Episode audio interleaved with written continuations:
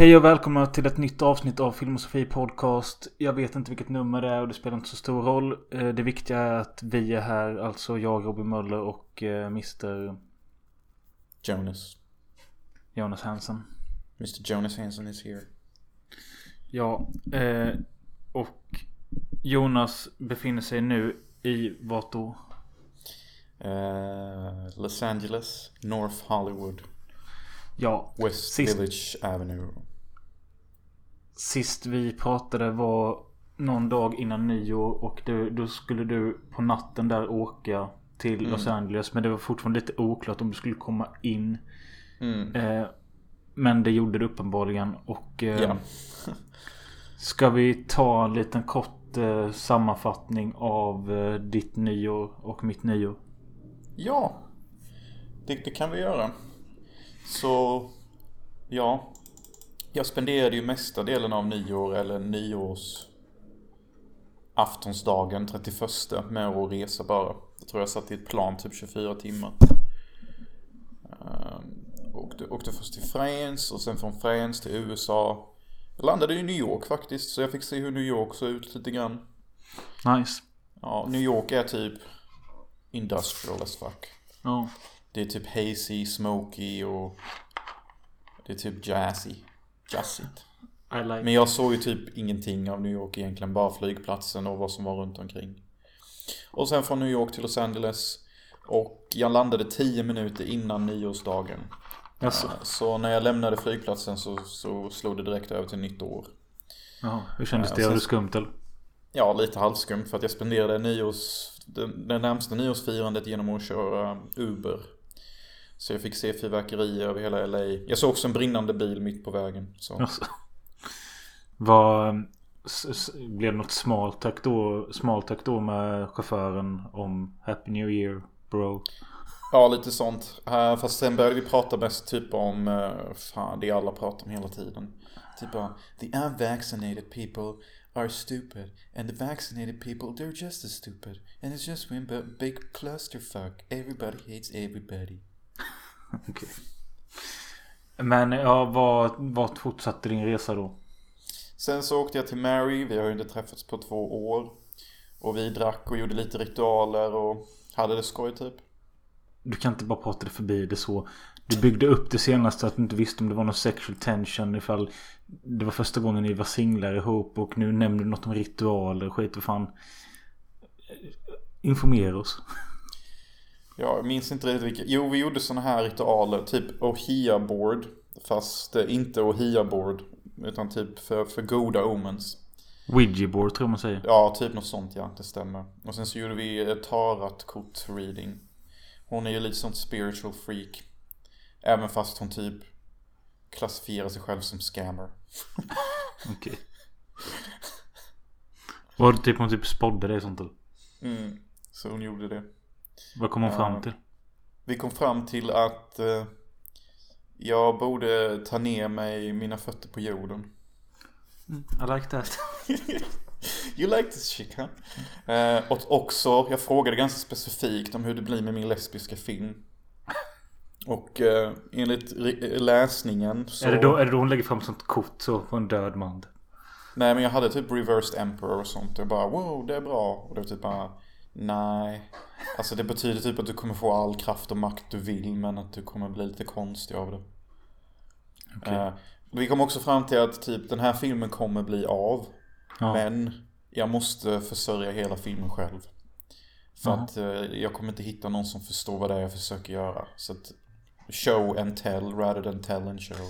Ska du inte göra på det klassiska sättet att man filmar en scen och liksom har den och visa upp för folk? Jag har ju kommit fram till en ny teknik att göra film som jag kallar ladder production. Och då börjar man med den billigaste och enklaste scenen först. Och så, så bara matar man den full med cash. Så att den är move production quality. Och sen så fortsätter man så tills hela filmen är klar. Eh, och så kan man använda de scener man har gjort till att visa upp för producenten. Ja precis men det var typ det jag menade. Eller att du försöker typ starta någon sån här kick... Eh, Eh, ett kickstarter eller något sånt. Ja, nej jag tänkte typ jag tjänar ihop pengarna via min business och aktier till detta. Ja. Alltså 40 000 dollar är inte så jävla mycket cash typ. Men det är ju mycket när man typ bara har DOS-tus. Men... Eh, och jag vet, att jag, byggde, jag vet att jag byggde upp det med sexual tension och sån skit. Men jag kommer inte kunna ge publiken vad de vill ha. Till min uh, stora sorg. Jag tror att det publiken vill ha är bara ett svar. Svaret är nej. Och jag sitter här i, i skambron med mig själv. Med ett jack i huvudet. Ja, det ska vi också prata om snart men... Eh, Inget lovemaking för Jonas Hansen. Nej, men eh, hur var er kemi överlag? Är ni liksom pals? Vi är pals som fan. Mm. Men det är, ja det är vi. Vi är riktigt bra vänner. Typ bästa vänner. Mm. Uh, kan man nästan säga. Uh, I alla fall här i USA. Med varandra. Så det är skönt att ha. Du har lagt upp någon bild på någon äldre man och en Yoda-figur. Ja, på Filmosofie podcast ja. Jesus, jag bara vad Alltså jag tyckte, det ut, jag tyckte det såg ut som en dålig sitcom. Jag bara, vad fan är detta? alltså han, han, ser faktiskt, han ser ut att vara 45 och har arbetat i gayporrbranschen i många år. han är min vän Bo eh, uh, Sirvininski, Jag vet inte hur man säger det. Han har varit i the USA Marines och numera jagar uh, sin drömkarriär och gör film och skådespela. Hans favoritskådespelare är James Stewart. Och hans favoritfilm är It's a wonderful life. Rätt coolt. Mm. Han är också ett spiritual master. Så han har typ också tarat kort och vi ska faktiskt ha en litet eh, spiritual crystal event den 28 denna månaden. Så då ska vi ha mm. lite läsningar och ritualer och sån skit. Det är mycket sånt här i LA. Det är ganska vanligt. Jag tror ni fattar det nu va? Ja, men eh, du bor hos Bo då? Ja. ja. En eh, 47-årig eh. ex-marine som vill göra film. Yeah, som, me. som vill göra dig gravid. typ. Så so that's me. Ja. Eh, nej men eh, det är nice att han låter dig bo hos dig. Sp splitten i hyran så då Ja alltså han låter inte mig bo här. Så jag hyr här. Ja. Och jag har ett eget rum här. Och han har ett eget rum här. Ja, okej. Okay. Och vi bor också med en tjej som heter Natasha. Men vi träffar nästan aldrig henne. Och hon kommer flytta ut snart. Så då blir det bara han och jag. Så vi kommer behöva leta en ny tredje roomie. Vi båda har kommit överens om att det bör vara en tjej. Gärna en skådespelerska. okay. Ja. Um, mitt nyår kan jag bara dra över snabbt. För det finns liksom. Det är du som lever det spännande livet här. Och jag. Eh, sa ju sist att jag skulle vara hos min tjejs bror. Vilket jag också var. Det var jättetrevligt med trerätters middag och eh, eh, lite quiz och sånt. Och ja, bara god stämning. Inga skandaler vad jag vet. Mitt minne är lite svagt efter tolvslaget. Mm. Eh, ja, det var väl det. Vad blev det? Ingen skandalfylla eller något? Någon som Nej. kläkte? Eller klökte? Nej. Shit. Ehm, så gött på ett sätt. Kanske tråkigt i poddsätt men ja. Ja. Men vet du vad? Jag är lite trött på att jag alltid har det spännande i livet. Vet jag... Ja, men det, det har du fan satt dig själv i. jag vet men jag vill ha... Jag... Kom inte säga att du vill ha Norman life. För det, det säger. Nej. Får jag inte säga sånt eller? Nej, för du har typ alla förutsättningar till att ha det. Men du ger ju dig själv ut på de här äventyren utan... Alltså du åker iväg med ett ombyte och en laptop. Det är liksom ditt liv. Mhm. Mm mhm. Nej men jag vill ha normal life typ. Nu sa jag det, han sa det. Men alltså, jag hade velat ha ett hus här i LA. Och sen så hade jag velat ha en fru och en katt och en hund. Mm. Jag, hade, alltså jag hade gärna haft normalt liv med samma tjej varje dag och, och frukost på sängen och sånt. Eh, jag var mycket gladare när jag hade ett, li, ett sånt liv liknande. Så det är därför jag har så mycket ångest nu. Så nu vet jag inte riktigt vad jag gör. Nu är jag äventyrare. Jagar filmproducenter och sånt. Eh, hur ser dagen ut nu då? Har du fått något jobb eller vad? vad? Jag jobbar ju remote i England.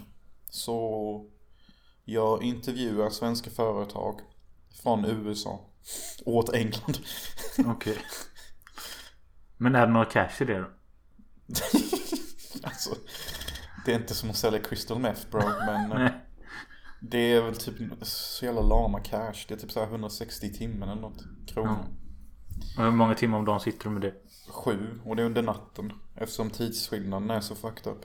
Jaha. Men jag håller på och jagar för att mitt gamla cannabisjobb också. Eh, Så det kommer säkert börja rulla in alldeles snart. Sen så var det också någon jag snackade med igår. På festen jag var på. Eller ja, det var inte en fest, det var ett dinner party. Hon hade något jobb på en farm till mig eller någonting. Jag vet inte om det var en cannabisfarm också. Cannabisfarm. Nya farmen. Ja, det hade varit Cannabisfarmen. Ja, eh, men eh, det är ju nice om du får det med ju. Ja, för cash behöver vi. Eh, om vi ska ta elefanten i rummet då som är eh, ditt face. Du la ut igår på Filmosofi Podcast eh, en video där du bara filmade dig själv liggandes på en brits på ett sjukhus och filmade ett jack vid ögat och några andra blåmärken. Jag fråg, skrev till dig vad är det som har hänt. Eh, fick inget svar på tre timmar. Sen så skrev, skickade du en bild igen. Och då... Eh, så under de här tre timmarna så snackade jag lite med... Eh, om det var min tjej och kanske någon till. Det var Sony i bilden på Jonas. Bara, ja, vad fan är det? Så nej, jag vet inte. Men det skulle inte förvåna mig typ om man har fått stryk eller något. Alltså på... Ja men på en fest bara sagt vad han tycker och tänker som han alltid gör. Och så har någon liksom inte pallat med det. Vet du vem jag har märkt att jag är på fester och folk nu för tiden? Nej. Jag är Chandler Bing. Oh, no, no, go! I've scared you. I've said too much. I'm hopeless and awkward and desperate for love. I'm Mr Funny Man. Okej. Men det var ju inte så det hade gått till då. Nej, för fan. Jag är typ lite mer taktfull nu för tiden med vad jag säger och hur jag uttrycker mig för att...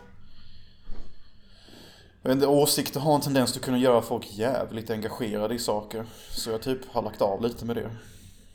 Så när du skrev till mig att det du hade gjort var att du hade ramlat i badrummet slagit huvudet i ett badkar. Då tänkte jag så här. Jag skrev till dig No joke och du skrev No joke. För jag tänkte så här att det känns som att du har skadat dig förr och så har du berättat något för några och så egentligen kommer sanningen fram sen. Och så tänkte jag bara att ja, ramlar folk under 75 i badrummet? Jag vet inte. Men så tänkte jag att det kan ju ha hänt. Men Det har hänt. Hon hade en jävligt hal matta där inne. Eh, Och jag gick in lite för snabbt när jag skulle på toan och bara stöp framåt direkt. Det sjuka är att redan under dagen, alltså hela dagen, så hade jag känt under dagen typ att fan jag kände mig lite off balance på något konstigt sätt. Alltså typ bara en sån feeling, typ att jag, har inte, jag är inte riktigt hundra i balanssinnet. Och jag vet inte varför det var, om det var brist på mat eller brist på sömn. Eller bara random, jag har en dålig balansdag. grej. Nej. Så jag vet inte om det spelade in något i det. Men eh, ta oss igenom händelseförloppet. Nej, alltså händelseförloppet är att vi bara dricker och har det trevligt och spelar du vet Never Have I Ever. Ja. Och jag med det spännande livet dricker på varenda en. Såklart för att det finns ingenting jag inte gjort typ. Nej. Ehm, och sen så bara snackar vi och kul. Alltså tänk dig typ bara en vanligt nice uh, drick och snackkväll i LA typ. Ja. Hos den här franska 23-åringen som ehm, har en egen lägenhet och bil. Asnice. Fem minuter från där jag bodde ifrån i Hollywood innan. Så det tyckte jag var jävligt kul. Och sen så när vi är mitt och allt det som gojsigast och roligast så typ gör jag det där snubbleriet. Eh, det det sjuka är att jag är inne på toan och försöker typ städa upp och rengöra allt blod. För trots det att jag kanske har fått en livshotande skada så är jag ju fortfarande neurotisk och väluppfostrad. Så jag börjar just typ städa upp allt blod i badkaret och på min arm och sånt. Men sen så märker jag ju när jag kollar på mig själv i spegeln att oj, det där är ett jack. Liknande det jag hade på min armbåge. Och det slutade inte blöda. Så jag bara, jag får nog fan gå ut och bara... Jag kan inte ens fatta att jag tänkte först att nej, det behövs nog inte. Alltså, du, ser, du ser ju mycket där. Det är typ 3 Ja. centimeter långt jack. Eh, så de bara, oh shit, we gotta get you to the hospital. Och jag typ bara, nah, do we really? Like, maybe it will heal itself. You know? Like, I don't want that big fat hospital bill, it's good. Men eh, var det liksom typ end note för kvällen då? Mhm. Men det var rätt sent och klockan var typ tre på natten eller något. Men eh, fick du hjälp då till sjukhus eller vad?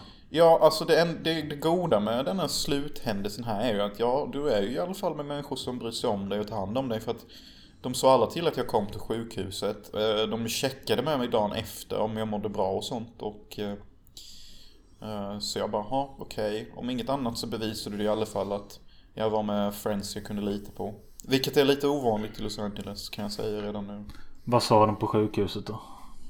Det minns jag inte. Jag var rätt jävla groggy när jag kom in alltså. Eh, Och jag har varit rätt groggy sen det hände. Typ. Alltså, Men de sa inte om det var en eh, concussion eller? Nej, eh, nej, alltså de, de bara sydde ihop det jävligt snyggt och typ rengjorde det. Och sa att jag skulle ta bort stygnen om en vecka. Eh, och sen, jag tror att det var en concussion inblandad för att liksom igår jag typ spydde nästan och bara kände hur hela världen bara snurrade runt typ. Ja, men jag kan tänka alltså både en smäll i huvudet och alkohol och skit. Det är klart det är not good. No, it's not good. Men du ser där det sitter. Ja. Man tänker liksom så här att ah Jonas shit du är en actor, ditt face is your product. Och jag bara yeah. Men när detta läker ihop så hamnar det ändå på ett ganska estetiskt snyggt ställe skulle jag säga. Ja, det kommer knappt synas. Nej, och om det syns lite så kommer det bara ge mig sån här edge. Typ ah Ja. shit, han är en fuckboy. Eller typ han är en bad man. Han är en fighter. Ja, så jag tänkte typ, ja men inte så fy skam egentligen alltså. Tänk om jacket hade typ hamnat mitt på kinden. Eller typ perfekt här mitt i pannan som ett streck typ. Man hade inte sett klok ut. Nej. Eh, Men jag, jag är jävligt trött på att jag nästan konsekvent skadar mig så mycket att jag behöver sjukhus typ en gång per år. Jag tänkte precis säga det. Det känns som att det är en gång på år du måste in. Jag menar, förra året var det mitt finger. Ja. Eh, Föregående året innan det. Var det din näsa? Då, det var det näsan och knivhugget här. Ja. i min hand. Och näsan ja. Och innan det, ja då var det nog rätt lugnt. Men ja, de senaste Sen var det ju armbågen där Ja. några år sedan. Just det. Men de senaste åren har ju varit värst. Typ, det har ju varit ett nytt kutt var, var sjätte månad. Alltså kärlek bara förstör en. Det var bättre innan typ. Nu är jag så emotionell och, och skärrad. Över hela denna romansen att jag, Det är jag bara väldigt, får massa problem. väldigt avancerat och konstigt självskadebeteende. Ja men det är ju inte ens med flit. Men Nej, alltså, jag vet. Det skojar. Men det, det känns ju nästan lite ibland som att vad är det för självbild du har egentligen eftersom du skadar dig själv så br- brutalt emellanåt? Nej. Att du, du, du lämnar jack i din kropp typ bara liksom Jag gör ju nästan skämt med mig själv där jag säger Who needs tattoos? Liksom. Inte fan behöver jag tattoos, jag har riktiga ärr. Ja. Men eh, Nej alltså Så ja, det är därför det brutala svaret är nej Jag och Mary inled inte romantisk frestelse Men alltså självklart försökte jag ju som jag alltid gör Men eh, no No. Ja. Okej. Eh, jag funderar på om jag har något mer jag har varit med om de senaste veckan. Men det har varit väldigt eh, chill. Alltså jag... Vad fan har jag gjort egentligen? Alltså du har det bästa livet någonsin typ Ja. Helt ärligt typ Alltså jag, jag är ju inte den som vill trada liv Men ibland känner jag att jag hellre hade haft ditt liv I Hylte typ Det är lite lugnare. Ja. Alltså jag hade inte velat ha din arbetsplats för att jag har så svårt för äldre herrar. Ja. Som typ är i den generationen som typ bara Nej, man har ju lämnat frugan hemma. Eftersom man peskar henne igår rätt hårt. Alltså, Tyvärr, alltså det hade varit kul om det hade varit så. Men det, det låter ju tyvärr inte riktigt så. ja, du, du vet vad jag hörde? Ja, det var jag skulle köpa alkohol till mor eh, den 24 eller någonting. Eh, Och så, så går jag ner för gatan i Hylte då. Eh, Vackra, underbara, originella Hylte. Ja. Och typ så hör jag två Den ena grabben är i min ålder Men jag kan se på hans kagge och hans stil att han är familjeman Och den andra är någon som antagligen är i dina kollegors ålder Typ 45 plus Lös snus och lös fru typ Ja. Och de De typ bara, så hör jag hur den unge grabben bara Alltså hjulet är ju för jävla jobbigt Alltså, alltså frugan är ju helt uppe i dagarna och ska dammsuga och städa och fan och hans jävla moster Säger den äldre herren bara Ah du får ju skicka ut henne för fan så du får lite lugn och ro och Då säger den unge herren Ja för fan det ska jag göra Och jag bara, de, de står typ och ler på att det bara Only in Hylte typ Hylte är inte Norrland men okej. Ja var kom den dialekten ifrån? Nej. Men på tal om Hyltebruk, denna underbara håla, så har du släppt en eh, dokumentär slash reportage. Om Hyltebruk Som heter När Islamisterna tog över Hyltebruk. Det var på Eh. tiden att någon gjorde den Det är någon jävla sån här högerextrem eh, nyhetssajt som heter Exakt 24. Som eh, har spenderat några dagar i Hylte och eh, intervjuat folk. Både invandrare och eh, icke-invandrare. Och den här videon har väl rört om det lite i grytan på något sätt. Alltså, den, I alltså, Hylte? ja, och vad kul den är ju Det är ju typ som en gammal jävla propagandavideo för att de lägger på sån här ödesmättad arabmusik och liksom eh, filmar enbart muslimerna som går med sina slöjor i samhället. Inga andra utan det är bara de de filmar. Och liksom med berättarröst bara så här ser det ut i Hylte. Och, Det är ju så det ser ut. Och Nej eh, Gå in i någon av de här Babbe-butikerna och liksom bara Gå in med kameran och bara filma rätt fram. Och så Killen sitter i kassan han bara Hej vad vill du? Eller varför filmar du? Och så säger han bara nej jag ska bara gå runt här i butiken och titta lite. Och sen så lägger de typ på sån ödesmusik igen bara vi blir inte till välkom, välkomnat på ett snällt vis och alltså, det är så jävla vinklat men eh, Den var väldigt underhållande eh, och eh, de besöker Hyltes moské med och eh, försöker få en kommentar från dem där. Och ja, den är, den är vad den är. Eh, i, ja, jag vet, alltså den har delats så sjukt jävla mycket nu. Den har, jag vet inte hur många views den har men Men alltså jag, alltså jag är ju inte förvånad. Alltså det är ju mycket islamister och babber överallt i Hylte. Och, och, och liksom ingen är bättre än den andra. För att är du inte babbe i Hylte så är du antagligen en mjukalkoholist. Och är du inte mjukalkoholist så är du typ, jag vet inte fan vet jag, dagislärare eller någonting. Det är de Ja, tre alltså- välja mellan. Ja men alltså det är så mycket kaos typ i Hylte. Alltså, jag, jag såg en annan familj typ där, där morsan var fet som en kanon typ. Och hon körde två feta barn och så satt maken jämte bilsätet och hivade en kung öl. Och jag bara okej. Alltså han verkligen hivade den och sen körde hon iväg och jag bara shit vilken familj alltså. Ja det är, ja. Det är, det är, det är någonting. Ja visst fan är det det. Eh, men vad var det vi var inne på innan Hylte? Det var någonting... eh, mm. Vi pratade om mitt normala liv. eh, Ja att jag är avundsjuk på ditt normala liv och att jag är Chandler Bing dessa dagar. Ja. Ja, eh, nej. Annars har jag inte så mycket mer att säga tror jag. Eh, min 30-årsdag närmar sig mer och mer och eh, det kryper på mig. Ska jag anordna någon fest? Ska jag göra någonting? Vad ska, jag vet inte. Jag... Nej, vad ska du göra Robin? Alltså... Jag, Nu- jag kan ju säga vad jag hade gjort. Jag hade ju typ försökt bjuda in kanske 30 pers. Ja, det är det jag tänkte göra med. Men jag tänker inte göra det hemma hos mig för allting kommer gå sönder. Mhm. Eh, Det så det lutar åt att hyra någon lokal eller något. Men jag måste börja bestämma mig för det är mindre än eh, fyra veckor. Shit. Känner du press? Ja, lite. Hur känns det att fylla 30 då? Eh, Det känns sådär faktiskt. Mm. Nej, jag förstår det. Jag Men förstår. vi får se hur det känns när det har hänt. Eh, Det är precis som att jag försöker trycka det längre fram än vad det är. Men eh, Det Ja. går inte heller. nej. Alltså du kommer fylla år vare sig du vill eller inte. Ja. Kan du fråga om man får hyra moskén och kanske ha festen där? Det hade varit coolt. Ja. Det hade varit fett coolt faktiskt. Ja, men jag måste fråga här. Ja. Eh, känner du dig vuxen? Nej, inte så. alltså det som jag har sagt är alltså visst på vissa plan känner man ju, sig, känner man ju att man utvecklas men på andra plan så är jag fortfarande 18. Mm. Ja men det är lite så jag känner mig själv med. Alltså jag har börjat tänka så jävla mycket på sån typ av vuxenhet, mognad, eh, familj. Eh, vad, vad gör normala 30-åringar liksom? Och vad, vad, vad, vad brukar människor göra när de är i den åldern? Vad Alltså, gör vår generation i den åldern? Jag tror lite är ju hur man väljer att anpassa sig. Men sen är det också att det, det, det ändras så mycket generation efter generation. Och så tar vi typ min farmor och farfar. När de var 30 då var ju de alltså fucking vuxna.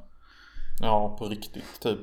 Och sen våra föräldrar. De var också ganska vuxna de var 30 men kanske inte lika. Och så kanske, jag vet inte. Du förstår lite vad jag är ute Ja, jag efter. förstår vad du menar. Men de hade ju liksom hus och familj. Men liksom vi har ju inte det. Nej. Har du tänkt något mer på om du ska skaffa barn nu när du blir 30? Nej. Tror du att, tror du, att du kommer skaffa barn? Ja kanske men det är inte, inte än. Nej. Daddy. Daddy, är cool. cool. Okej, Nej. Eh, ska vi hoppa in på veckans filmer? det kan vi göra. Och jag vet innan du sa sen att man, man får, du sa typ no joke när jag spräckte huvudet och sånt. Ja. Och att ja, sen så brukar en annan historia komma upp. Men detta är helt sant. Alltså jag är clumsy i McDonald. Jag, kö- jag köper det denna gången. Och eh, fan badkarskanter är hårda alltså. Var det ett eh, sånt i po- porslin eller var det en sten eller vad? Sten. Nej, det var porslin. Mm, så det var. Så ja. Nej men alltså detta kommer läka ihop rätt bra. Alltså läkaren var fucking bass. Så det var. Men ja, vi kan hugga in i, i lite filmer här. Så lämnar vi min manodepressiva avundsjuka attityd här. Eh, och filmerna vi har sett det är lite, alltså lite annorlunda för, för vad oss egentligen. För det är två väldigt nya, väldigt aktuella filmer. Och vi kan väl börja med den mest populära av dem. Mm. Don't look up. Just det, just det, just det. Gjord av någon Adam McKay som bland annat gjort Anchorman och eh, Step Brothers. Ja, ja. Ja, okej. Ehm, men en, alltså en erfaren komediregissör. Ja, och eh, den här är då gjord till Netflix med eh, Leonardo DiCaprio och Jennifer Lawrence i huvudrollerna och massa kända biroller. Ja. Eh, och vad handlar den om kort? Handlar om att J-Law och Leonardo DiCaprio hittar en meteorit i rymden som har en clear directional course till att spränga jorden. Ja, och de försöker filmen igenom att övertala president och media om att detta faktiskt händer och ni måste lyssna på oss och ta detta på allvar så vi kanske kan försöka förhindra det. Mm. Eh, och det är hela filmen. Ja. Och det är väl en ganska unik och bra handling. Alltså det är egentligen som om man skulle ta filmen Armageddon. Fast typ slopa hela mission-delen och bara fokusera på allt det sociala och politiska typ. Ja, jag läste någon jämförelse med eh, Los Montriers Melancholia också som har valt en liten allvarligare ton kanske men eh, Ja, jo, det är sant.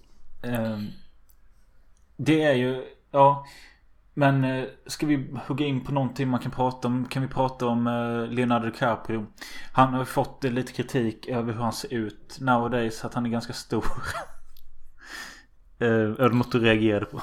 Ja, han såg väl lite mer mullig och normal ut. Ja. Men alltså var inte det bara typ han eh, going into character typ? Eh, jag vet inte, jag tror att han ser ut så här nu och eh, jag tänker bara good for him. Ät, ät vad fan du vill. Han kan ju få vilken tjej som han vill ändå typ. Ja. Han behöver inte göra så mycket mer. Han har ju sån jävla status och alltihop. Ja. Men eh, ja, många svenskar har ju sagt om denna filmen att detta, men det är ju så typiskt svenskar också. Att de tycker att denna filmen är en analogi eller en symboli för vårt sätt att hantera klimatförändringar. Eh, Jag såg det inte så, jag såg det exakt för vad det var. Eh, Typ att det är en meteorit på väg och vi har så svårt att hantera alla typer av problem som är mänsklighet tillsammans. På grund av att eh, saker som ekonomisk framgång och sjuka planer brukar stå i vägen för vad som är normalfuntat samvete typ. Ja. Men eh, att den här symboliken för vår tid och hur vi hanterar klimatfrågor och sån skit. Det, det, det är ganska lätt att läsa in det om man vill. Eh, men jag är lite som på ditt plan att jag valde att se det för vad det var. Ja, för att liksom en meteorit som håller på att krascha in i jorden, det är ett ganska normalt grej typ. Och jag tycker inte att dialogerna de hade kunde eh, vara jämförbara till hur vi hade pratat om klimatkris typ. Så jag tycker att svenskar som gör den kopplingen, de är bara klimatfrågekåta som vanligt typ. Ja. Jag tycker mer att det bara handlade om att typ människans sätt att typ bara inte klara av att hantera kriser. Och att de, de tänker först på att få cash först. Jag menar det första uppdraget de gör för att spränga den här meteoriten hade ju antagligen lyckats. Men typ i sista minuten får ju presidenten reda på att den här meteoriten har typ biljoner biljoners mineraler. Så de ska typ försöka landa på den eh, och typ spränga den i småbitar och sen plocka upp alla mineraler i havet typ. Och de har Mm. någon jävla sjuk Elon Musk karaktär på sin sida som låter tänk- som en jävla jag tänkte- trumpet. Tänkte säga det med att han måste ju försöka, Han måste ju vara någon slags Elon Musk. Att det ska föreställa honom. Och likadant att Meryl Streeps president måste typ vara någon slags hur det hade varit om Hillary Clinton hade vunnit istället för Trump. Ja, något sånt.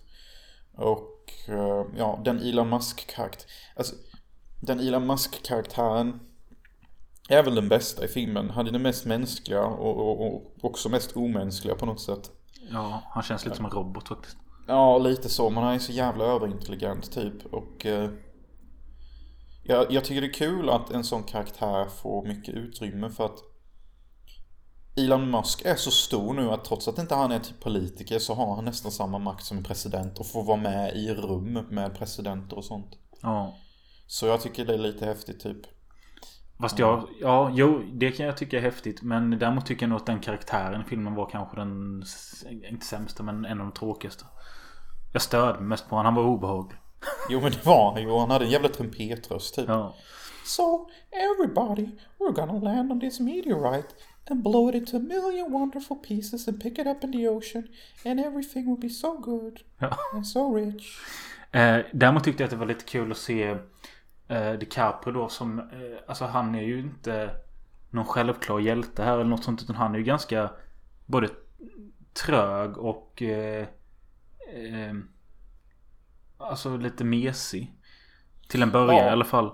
Ja, och han är ju till och med en fet sellout som gör massa mediainslag bara för att Kate Beckinsales, eller nej, Kate Blanchetts karaktär är så himla förtjust i honom. Och Ja. han blir typ så här media sellout så han typ börjar göra promotional work typ bara Call 991 2345 Hotline Meteorite If you have any questions about the impending doom. Men du sa att eh, du tycker att Elon Musk-kopian är en av de mänskligaste karaktärerna. Då skulle jag säga då att jag tycker J-Law är den mest mänskliga. För hon har ju panikångestattacker för att hon vet att eh, jorden kommer gå under och ingen lyssnar på henne. Och hon Mm. äter tabletter och hon gråter och har bara panik. Ja, jo hon är väldigt mänsklig och det är lite synd om henne och det är väl den mest realistiska aspekten av filmen skulle jag säga. Hur, hur media och vanligt folk typ bara skiter på henne. Och typ förvandlar henne till en meme. För att, Om vi ska bara hoppa in på lite andra karaktärer som finns så har vi ju Ron Perlman som typ Mr. America. ja. Ehm, lite kul roll. Ehm, jag vet inte riktigt vad fan. Hade han varit någon före detta krigshjälte eller vad? Han är något före detta krigs super patriot eh, amerikan. Och eh, han blir ju ivägskickad på det första uppdraget som de avbryter mitt i. Eh, ja, han var inte med så mycket egentligen förutom på den mission-delen. Vi har presidentens son i form av en riktigt dryg Jonah Hill. Ja, just det. Eh, ganska kul tycker jag. Fast folk- verkar ha stört sig väldigt mycket på den karaktären. Varför då? Men han är ju jävligt douchey. Men jag tycker han gör det på sitt, sitt sköna sätt. Ja, han gör det på ett jävligt gott sätt. Men han är ett as. eh, tycker jag. Jag tycker nästan, nästan alla karaktärer är lite av ett as i den här filmen. Förutom J Lo, DiCaprio, Kate Blanchett och... Okej, nästan alla då. Men eh, han säger ju också till J Los karaktär att han satte en påse över en huvud med flit typ. Ja, bara för att han behövde göra det. Så han är ju fucking cunt. Sen har vi då Ariana Grande som spelar en version av sig själv typ. Ja. Eh, Hon är cute och allt. Jag älskar hennes Eurovision-sång om meteoriten i slutet. ja. Den tyckte jag fan var bra. Eh, och eh, allas eh, söta kille Timothy Chalamet dyker upp. Han gillar jag inte. Nej, han, är för, jag- jag han, är för pop, han är för populär, helt enkelt. Eh, Och, jag... eh, Eh, jag, jag vet inte vad jag tycker om han heller. Jag vill ha hans attention han får. Så, Ja. that's me. Eh, nej, vad fan mer? Alltså det, det generella uppfattningen av filmen verkar ju vara att folk tycker inte om den. Eh, Jaså? Alltså om jag kollar på mina vänner här på Letterboxd så Mattias Indegrinder Pettersson Han skriver här att hade han sett denna 2001 så hade det blivit nummer ett på hans sämsta 2001 Jaså? eh, Och vi har Filmfreak 1 som skriver Very frustra- frustrating watch individually. Some scenes work I guess But as a whole it's conveniently a total disaster. Leo and Lawrence are good though so that's something Vad fan alltså jag ser egentligen inga fel i denna filmen typ. Eh, Och eh, Petter skriver It was so bad I wanted to give it a zero But that's not possible So I give it 0.5 gee. Alltså jag kände att det var väl en helgjuten, ganska smart eh, komedi typ. Med uh, intressant drama.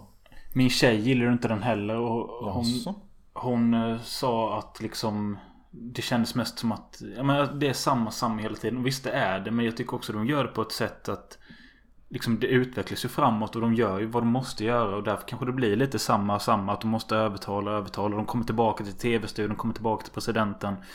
Eh, jag tyckte filmen var ganska bra. Men i slutändan när det var slut så kände jag bara att Nej, det här var inte riktigt min grej heller. För att den är så jävla lång. Ja det är den också faktiskt. Av någon jävla Den, anledning. den är 2.20 och det hade fan räckt med 1.30. Vad i helvete är den så lång? Alltså jag såg den i två sittningar så det var väl därför då jag Det gjorde jag med. det. Jag, jag såg eh, en timme och 50 minuter första sittningen och sen så 40 minuter dagen efter och... Nej, jag vet... Det... det där betyget sjunker på grund av det för jag... Mm. Nej. Det... Nej, jag är inte riktigt nöjd. Nej, inte jag heller. Men eh, den, den var rätt bra får jag säga ändå. Alltså det har ju kommit så många andra kassafilmer som är så bara way sämre. Och svenskarna blev väl jätteglada nu när de kan diskutera klimatfrågor och sån skit genom denna filmen. Jag hade ju aldrig sett denna om inte du hade sagt att... Eh, ska vi se Don't Look Up till podden. För då, då tänkte jag att ja, det kan vi göra till podden. Men annars finns det inte en chans i helvete att jag skulle sätta på den. Precis som du aldrig hade sett på Spider-Man No Way Home. Nej, som jag vet att du har sett. Eh, Mhm. Och jag, den har jag hört ganska bra grejer om men... Eh, nej men varför ska jag börja kolla på Spiderman nu när jag inte brytt mig på de senaste 15 åren liksom? Spider-Man No Way Home har fucking eh, William Dafoe igen. Som The Goblin. Ja, men det räcker inte för mig. Det är Tobey Maguire var med. Som old school Spider-Man. Ja men eh, kan du bara... Du älskar den här filmen då eller? Ja. Ja.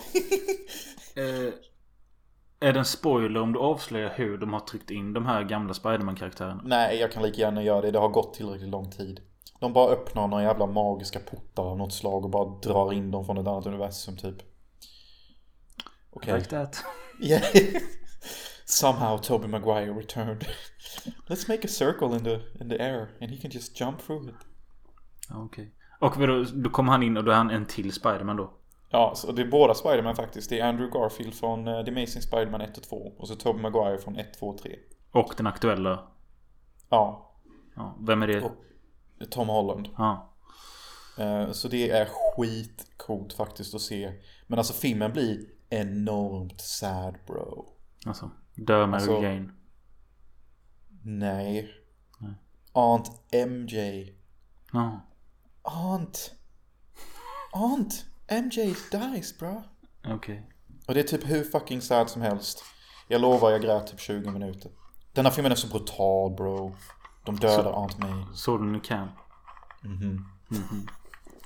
You know it. Ehm, men vilken av de här uh, Spiderman-skådisarna tycker du är bäst?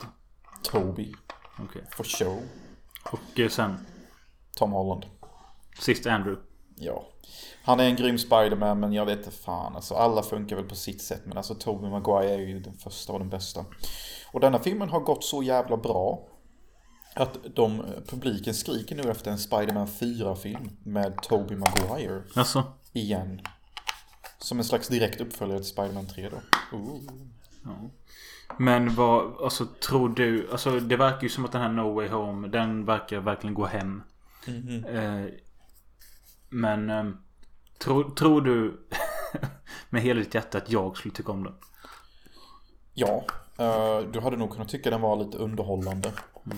Eh, och, den är, och det är kul att se alla gamla skådisar igen. eh, från typ Spider-Man 2 och Spider-Man 3. Och typ vilken jävla enorm cool metafilm det är. Och sen det är faktiskt riktigt brutal när de dödar Aunt May. För att jag var inte beredd på när det hände och det är fucking as-sad. Och, och de mjölkar det så hårt. De har till och med Tobey Maguire och Andrew Garfield kommer in och berättar när deras respektive dog. Och typ Andrew Garfield beter sig som en jävla emo-kid. Typ han är helt blek och bara I couldn't save Gwen Stacy. And I've been punching people ever since. Typ. Och eh, Tobey Maguire pratar ju om sin... eh, Vad fan hette han som dog i hans film? Vet inte. Uncle Ben. Ja. Yeah. Och så säger alla tre Spiderman samtidigt bara With great power comes great responsibility. Och det är shivers down my spine. För att de hjälper varandra till att komma över att deras uh, närmsta dog liksom. Så det är ganska fint och bra. Eh, och William Dafoe blir typ main bov. Vilket jag var lite inte beredd på. Och det funkar fan jävligt bra. Funkar lika bra som i första filmen. Vem utöver Green Goblin är mer eh, bad guy då? Dr. Octo Octavius från Ja, okej. Spider-Man 2. Han är också skitbra. Hans skådespel är helt fantastiskt typ. Ehm, och sen har vi ju då Lizard, Sandman, Electro och vad fan han heter. Hur det många är då? Det är ju typ allihopa bra. För att eh, inte nog med att gamla Spider-Man returns utan gamla bovar as well. Så det är typ så här tre Spider-Man eh, mot typ sex bovar typ. Så det är typ fet action. Okej. Feta tuttar. Fet action! Ja, jo men kanske. Eh, vi får Men se. ni har ju spoilat sönder hela filmen alltså. Ja, men jag får vänta så jag glömmer av vad du har sagt. Nej men jag har tänkt att det är dags nu alltså. Jag tycker faktiskt, jag måste säga att jag är imponerad av mänskligheten denna gången. Eh, denna filmen har inte spoilats alls mycket egentligen och den har nästan varit ute över en månad nu. Mm. Alltså, Ja, men- jag är Jag, vet- jag vet inte vart du brukar bli spoilad. Alltså om du sitter och söker upp YouTube-klipp eller. För jag brukar aldrig se. Men ibland kan det bara dyka upp på Instagram, typ ens feed så, så bara dyka upp en scen man bara ah fuck you. Ja, jo, det, nu när du säger att det dyker upp memes och sånt kan ju dyka upp Ja. rätt snabbt. Att, eh, ja. Men eh, vi har ju sett en film till båda två. Och det är en eh, ny erotisk thriller. En genre man kanske inte trodde fanns längre. Nej, Eh, de dog ju ut med uh, Lucy Lawless typ. Eller vad fan heter hon? Uh, hon den där blonda jag gillar. Inte Lucy Lawless, hon gjorde ju typ alla sånt. Tracy Lords. Lords. Tack. Ja. Ja. Nej men jag tänker att det var som störst typ under tidigt 90-tal med såna här Basic Instinct och liknande men... Eh, eh, I alla fall vi har sett filmen The Voyeurs eller vo, vo, Ja du kanske kan uttala det. The The, Voyeurs. The Voyeurs. The Voyeurs. Eh, en, eh, ja som sagt en erotisk thriller med, eh, som handlar om ett par spelat av Sydney Sweeney och någon kille. Eh, de spelar paret Pippa och eh, Thomas. Thomas. Eh, och som, de är ett eh, nytt ungt kärleksfullt par som flyttar in i en riktig drömlägenhet. Var är de någonstans? Är det New York? New York eller någonstans. Eller typ någon, någon mindre stad till New York. Jag kände inte igen staden faktiskt. Nej. Eh, jättelyxig våning. Eh, och eh, de kan märker direkt att de kan se rätt in i grannlägenheten som har liksom allting är bara öppna fönster. Och deras grannar är inte blyga av sig utan de eh, knullar rätt synligt. Eh, vilket eh, våra huvudkaraktärer får se redan första kvällen. Och det är väl starten till den här filmen. Mm. Och sen så typ leker de Pipping Toms, det paret hela tiden. De installerar, installerar till och med in en eh, mikrofon någonstans. I Ja. deras lägenhet. Så de kan både se och höra allting och de blir typ helt besatta. Uh, Någonting tjejen jag- blir väl mest besatt skulle jag säga. Men ja, vad skulle du säga? nej men någonting jag tror skulle kunna ske med. För hade man... Eh, haft den här möjligheten som de har och så pass bra som de kan se. Alltså de köper till och med en kikare så de kan se ännu bättre. Men eh, jag tror att det lätt hade blivit en underhållning om man hade haft det som de har det.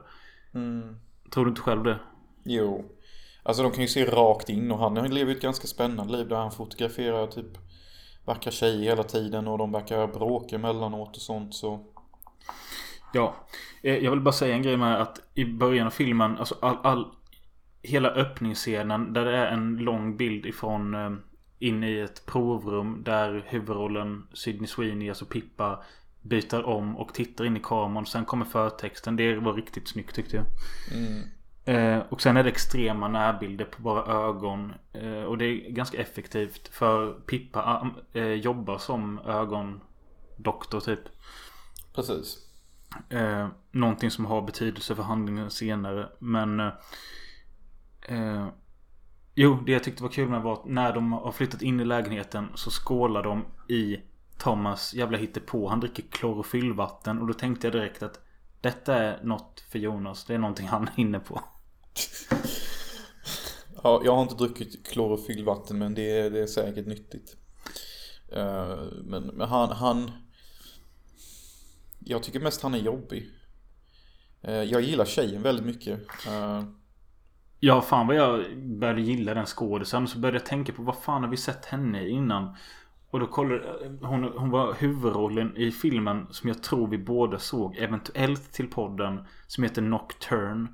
Eh, som var en slags Black Swan fast pianospeleri. Kommer du ihåg det? ja, Där var hon huvudrollen. Eh, eller var det piano? Det var i alla fall något med musik. Den var typ som Black Swan. Anledningen till att jag och Robin gillar henne Det är för att hon är söt som fan och har perfekta bröst. Ja, ja, det kanske Det tillför ju saker sen senare i filmen. Men jag blev mer positiv av Jag tycker hon hade någon slags eh, Alltså innan hon tappade sina kläder. Att hon har en energi och närvaro. Det är sant det också. Det är sant det också. Eh, Men jag, jag gillar inte riktigt hennes man eller hennes pojkvän. Nej. Nej, jag vet inte riktigt eh, vad jag tycker om honom. Men han funkar Jag vet inte heller, jag tycker nog mest synd om han. Typ För att? sätt. Därför att han verkar så, han är så osäker på sig själv. Och typ verkar typ vara, inte alfahane någonstans typ. Och eh, eh, han, han blir så ledsen över att hans tjej tittar så mycket på par på andra sidan gatan. Ja. För att han Eh. känner säkert att, eh, oh shit jag kan inte leva upp till någonting. Jag är en horrible man. Ja, jo, lite så är det kanske. Eh, och speciellt då att de sitter och kollar in på det här paret när de knullar hit och dit och eh, till och med så att båda blir upphetsade av det och har sex medan de tittar på de andra. Och det är hennes initiativ för jag tror att han kanske blir lite så Inte svartsjuk men att eh, Han kanske ser ett hot i den här vältränade jävla knullkungen på andra sidan gatan. Det gör han verkligen. Ja. Det gör han verkligen. Och han verkar inte vara så mycket till knullkung heller. Så det typ blir lite sad så. Beck, knullkung. eh, men...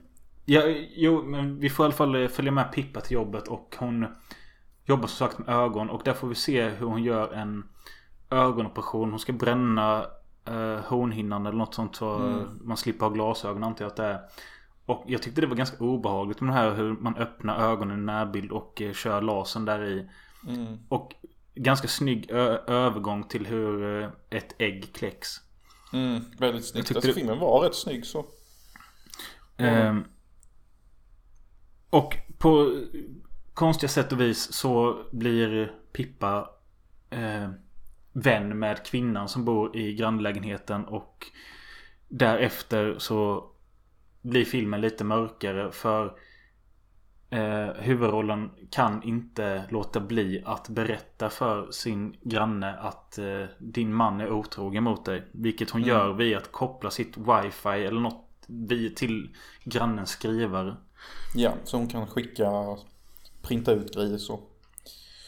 Och då blir det mod och lust och Ja. mystik. Vi behöver inte avslöja för mycket men man kan ju säga att Eh, efter en timme in så...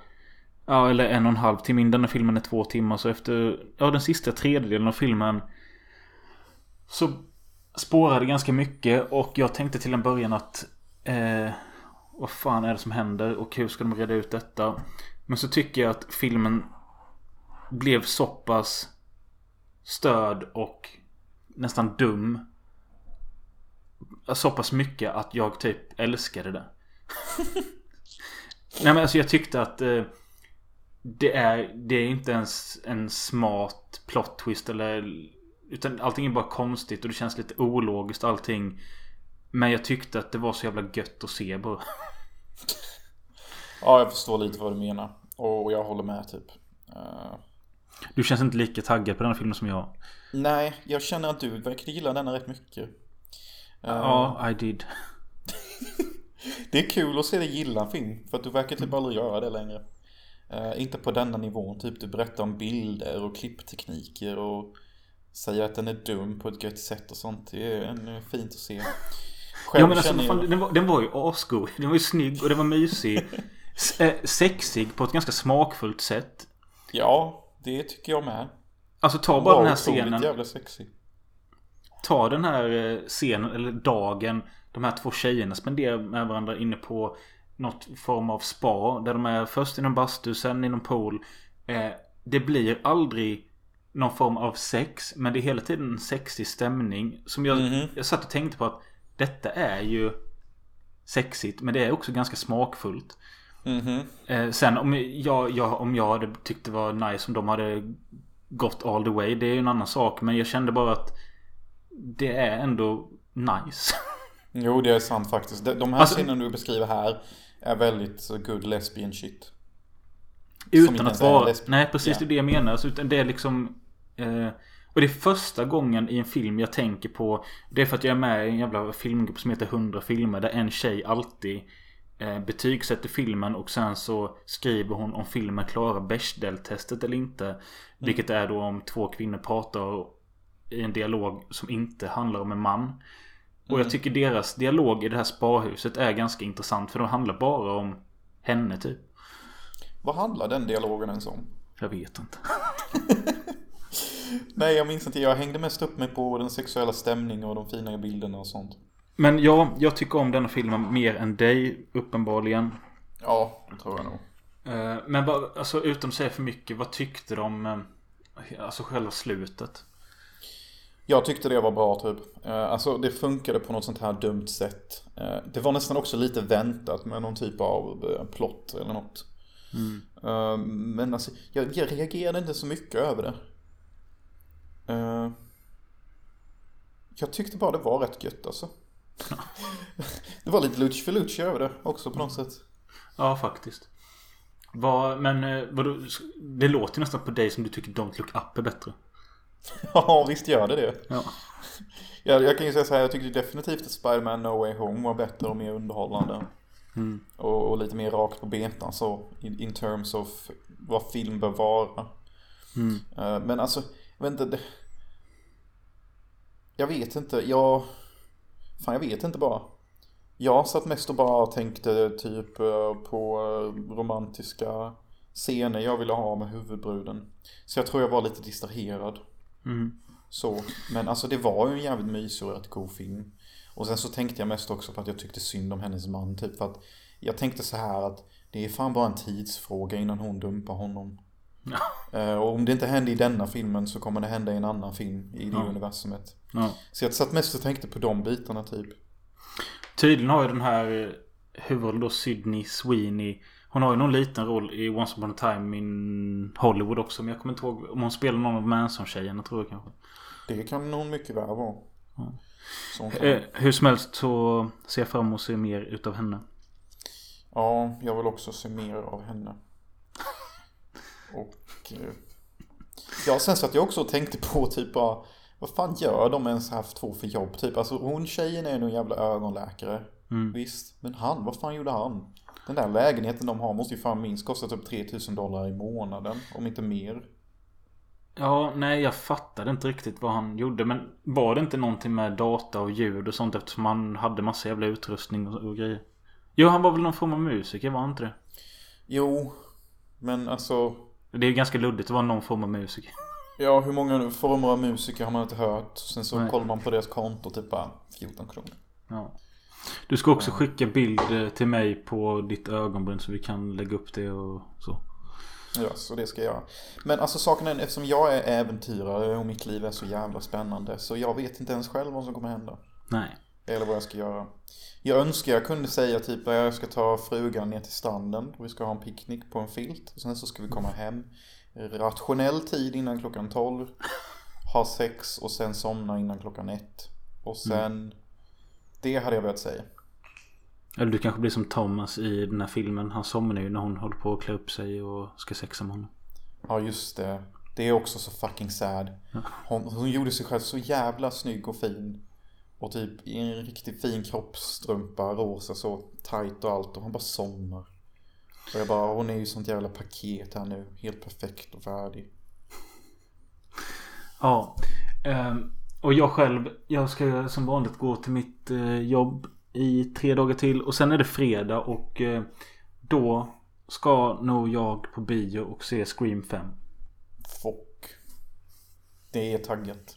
Ja. Det... Kolla om inte du också kan göra det. kanske vi kan snacka om det. Det ska jag göra, annars får jag väl bara ta cam. Ja, den har i alla fall premiär över hela världen på fredag. Absolut, men, men då ser vi den då. Uh, by the way. Ett skämt här. Okej, kör. Uh, vilken uh, pasta festar mest? Festar. Mm. Och... eh, Nej. Tagga Telly. Fy fan. Chandler, man. on, that, on that high note så säger vi kanske hej då för idag. Hej då. hej då.